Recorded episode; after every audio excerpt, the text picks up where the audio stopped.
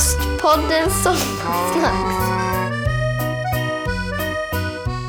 Det här är Ostpoddens sommarsnacks. Och jag är precis som vanligt Johan.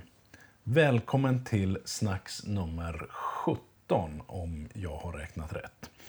Ett eh, snacks som blir mer improviserat än någonsin eftersom jag har varit ute och eh, ränt på vägarna nu på förmiddagen för att köpa mig en riktig gammal hedlig smörkärna som jag tänkte börja testa och göra just smör i idag såklart.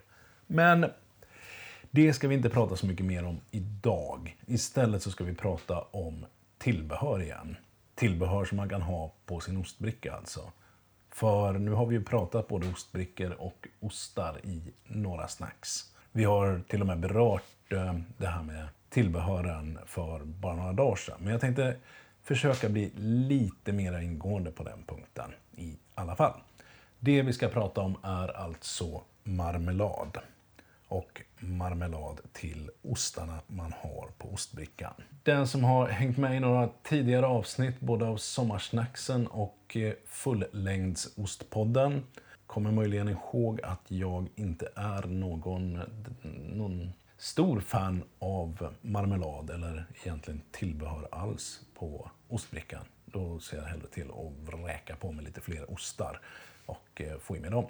Men eh, så vitt jag förstår så är vitsen med att ha marmelad på ostbrickan, eller om vi backar, man kan väl se det här på ostbricka på två sätt egentligen. Dels kan man se den som en sorts komponerad måltid och det är väl då man har eh, Eh, tillbehören med. När man har bröd och eh, marmelader och eh, jag vet inte mer vad man kan tänka sig med grönsaker eller sådär. Jag är inte jättebra på just det då. Eftersom jag mer ser min ostbricka som ett sätt att få äta ett antal goda ostar.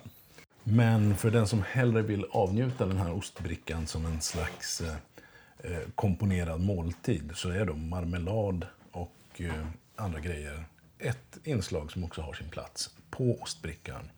Nu hamnade vi förresten lite grann i eh, verkligen verkligheten här eftersom jag spelar in detta vid köksbordet och här i köket tillverkas det också lite lunch.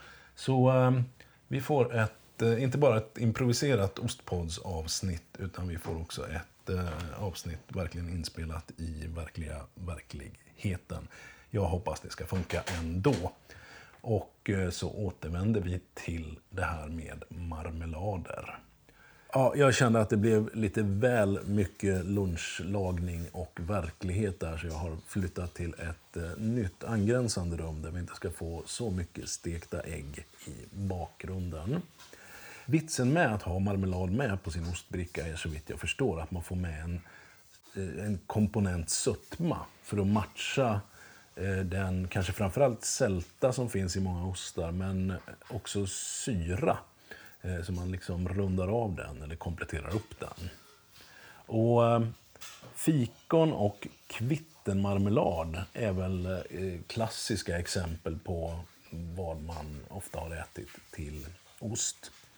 Numera så finns det massor med andra varianter också. Som eh, till exempel den här hallon-lakrits-varianten som jag nämnde i samband med Barbados ostbricka här för ett par avsnitt sen. Eh, jag vet inte om den kanske hämtar inspiration från hallonlakritsskallen hallon skallen som vi ju hittar bland plockgodiset i affären.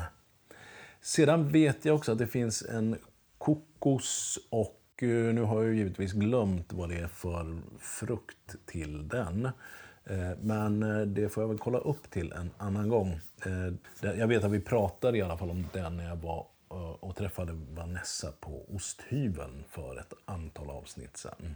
Sedan har jag också testat någonting som är lite renare, tror jag, än marmelad. Eller i alla fall lite annorlunda och det är fruktpaté.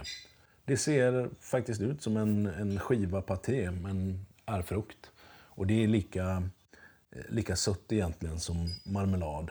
Kanske är det snarlikt marmelad egentligen. Men ett, eh, ett lite roligare sätt att servera det på i alla fall om man vill testa det. Eh, en annan variant är faktiskt att testa med lite honung. Där får man ju samma sötma, minst lika mycket sötma. Eh, så att det kan vara värt att testa med den.